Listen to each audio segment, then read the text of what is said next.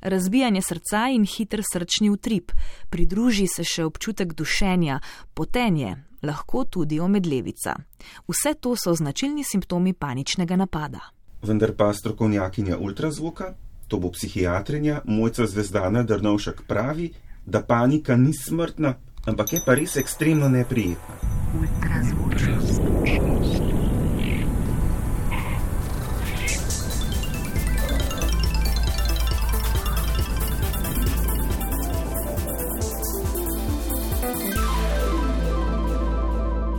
Ultrazvok. Zdravje je pomembna vrednota. Biti zdrav pa ne pomeni le odsotnosti bolezni, ampak dobro fizično in psihično počutje. O težavah na psihičnem področju bo govorila današnja oddaja. Tema: panični napad in panična motnja.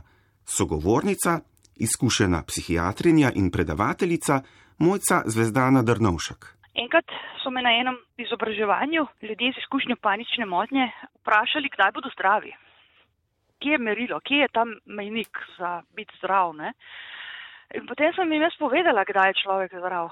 Ja, zdrav je takrat, ko v bistvu pride panični napad, pa se ga ne ustraši, pa ve, da je to samo napad in da bo minil. V bistvu. Ker mi ne moramo doseči stanja, ko se naši možgani in telo ne bojo odzvali v panični napad. Se sem vam prej razložila, koliko razlogov je, zato da imamo panični napad. Se pravi, ob vsakem hujšem stresu ga v principu lahko imamo, ne? sam ga pač to štejemo kot del akutne stresne motnje. Se pravi, neka določeno razumevanje pa toleranca do tega, da se pač to lahko zgodi. No? Strokovnjakinja pravi, da je panični napad napad hude tesnobe oziroma panike. Če pa oseba doživi vsaj dva nepričakovana panična napada, govorimo o panični motnji.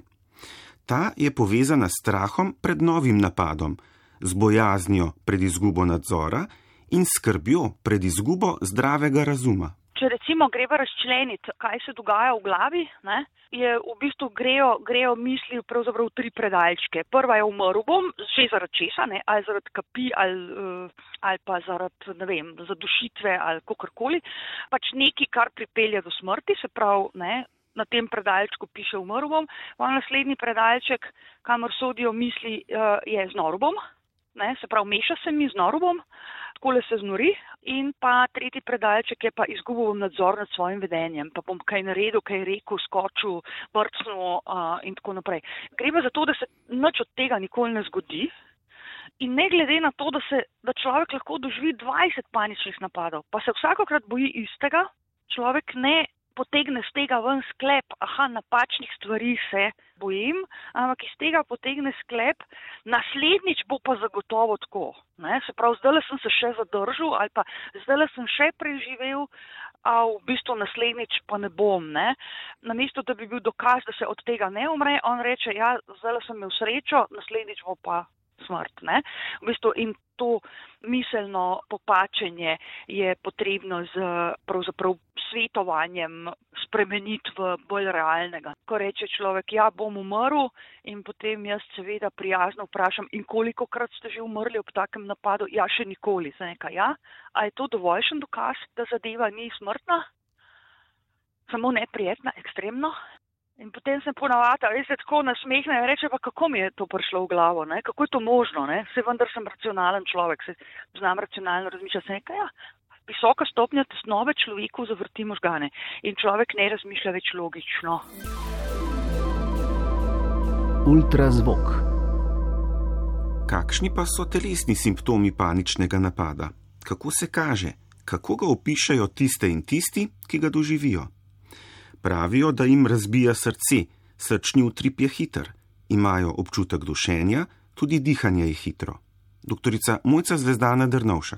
Sej psihiatrom je, kar se tega tiče, lahko. Namreč ljudje praktično stoprocentno iščejo pomoč pri panični motnji. Namreč prepričani so, da jih je zadela kap ali pa da se bodo zadušili ali pa da, skratka, da je nekaj hudo z njimi narobe in obiščejo ponovadi urgenco ali pa izbranega splošnega zdravnika. Ta seveda naredi preiskave, pa tudi na urgenci naredijo preiskave, izključijo telesne razloge počutja. In potem človeku rečejo, ja, lejte, to je pa panična motnja oziroma panični napad ste imel. In seveda tudi uh, svetujejo obisk recimo kakšnega strokovnjaka z področja duševnega zdravja, ker pa seveda nekateri ljudje s panično motnjo ne slišijo preveč radi, ker mislijo, da je zadeva telesna. Zakaj pa tako mislijo?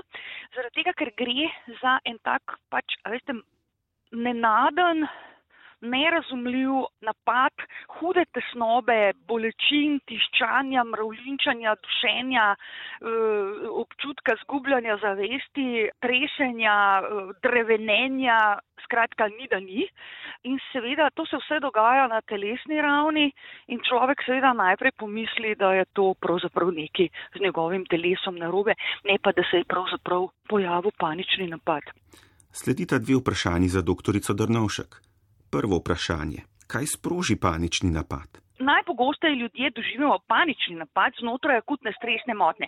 Ko se nam recimo nekaj hudega zgodi in potem seveda lovimo sapo, ampak takrat niti ne pomislimo, da je to panični napad, ampak mislimo, aha, zelo nas je pa nekaj spravilo v stres. Potem pa imamo lahko panične napade znotraj, se pravi, smo rekli, akutne stresne motnje, se pravi, normalne reakcije na nenormalne okoliščine, To je najbolj pogosto panične napade, recimo v okviru izpostavljanja ob fobijah. Potem imamo lahko panične napade pri izpostavljanju pri obsesivno-kompulzivni motni. Skratka, panični napadi niso nekaj, kar bi pravzaprav bilo samo del panične motnje. In še drugo vprašanje. Kaj je osnova vseh anksioznih motenj, med katere uvrščamo panično motnjo? Osnova vseh anksioznih motenj je, da se naši možgani narobe naučijo, kaj je nevarno, oziroma tako imenovani lažni alarmi se nam pojavijo. In človek z izkušnjo panične motnje ima točno to, ne? ima lažni alarm ali na to, kako mu srce bije, ali kako ima občutke v nogah, ali kako diha, ali kaj je v glavi in skratka in iz tega potem izpelje, aha, nekaj narobe in potem seveda bolj, je strah več je tega in potem iz tega v bistvu se človek spravi. Pravzaprav sam ne hote, ne vede v nov panični napad no? in dejansko gre zdravljenje v smer razumevanja, se pravi, da so tukaj lažni alarmi in pa, da se je potrebno ustaviti in pravzaprav s, ali z neko dihalno tehniko ali z nekim recimo neko drugo vajo ali pa s preusmerjanjem pozornosti spraviti možgane stran od tega, da bi seveda se prepustili, da jih potegne ta lažni alarm. No? Ultrazvok. Panična motnja ni redka. Strokovnjaki ocenjujejo, da za njo trpi 3 odstotke ljudi.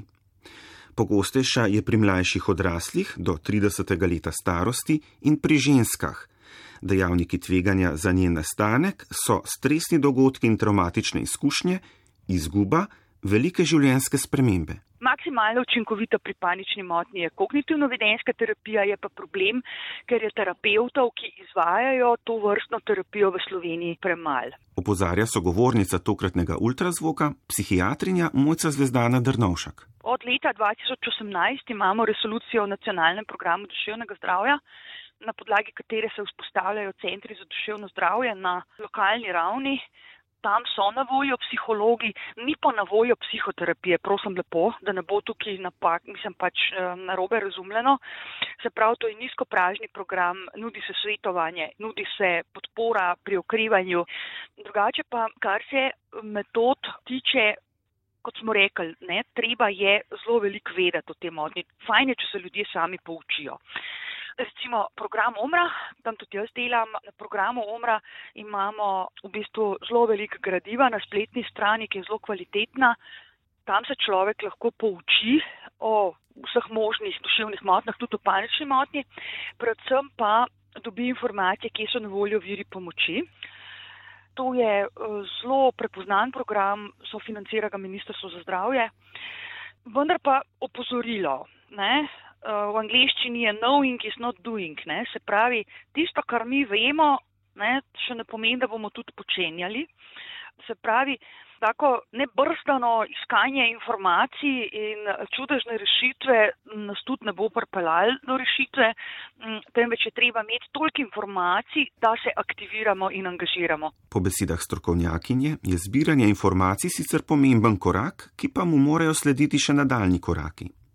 Kljub temu je optimistična glede obladovanja paničnih napadov in zdravljenja panične motnje. Jaz poznam ogromno ljudi, ki so si v bistvu pomagali sami. Vzeli so knjige v roke, kjer so bili tudi vaje, kjer so bili delovni zvezki, kjer so bile vse žive stvari in so okrevali sami.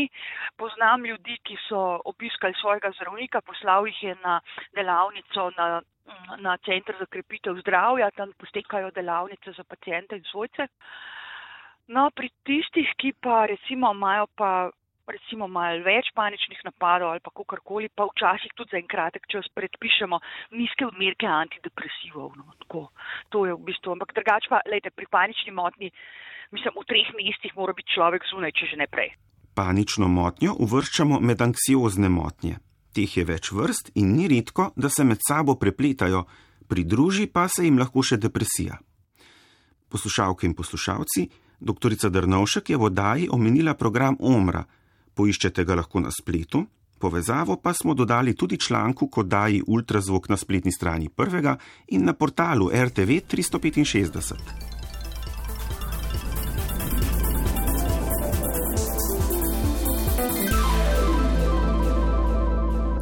To je bil četrtkov ultrazvok. V radijskem metru ga lahko poslušate na prvem, prav tako pa tudi na Radio Koper.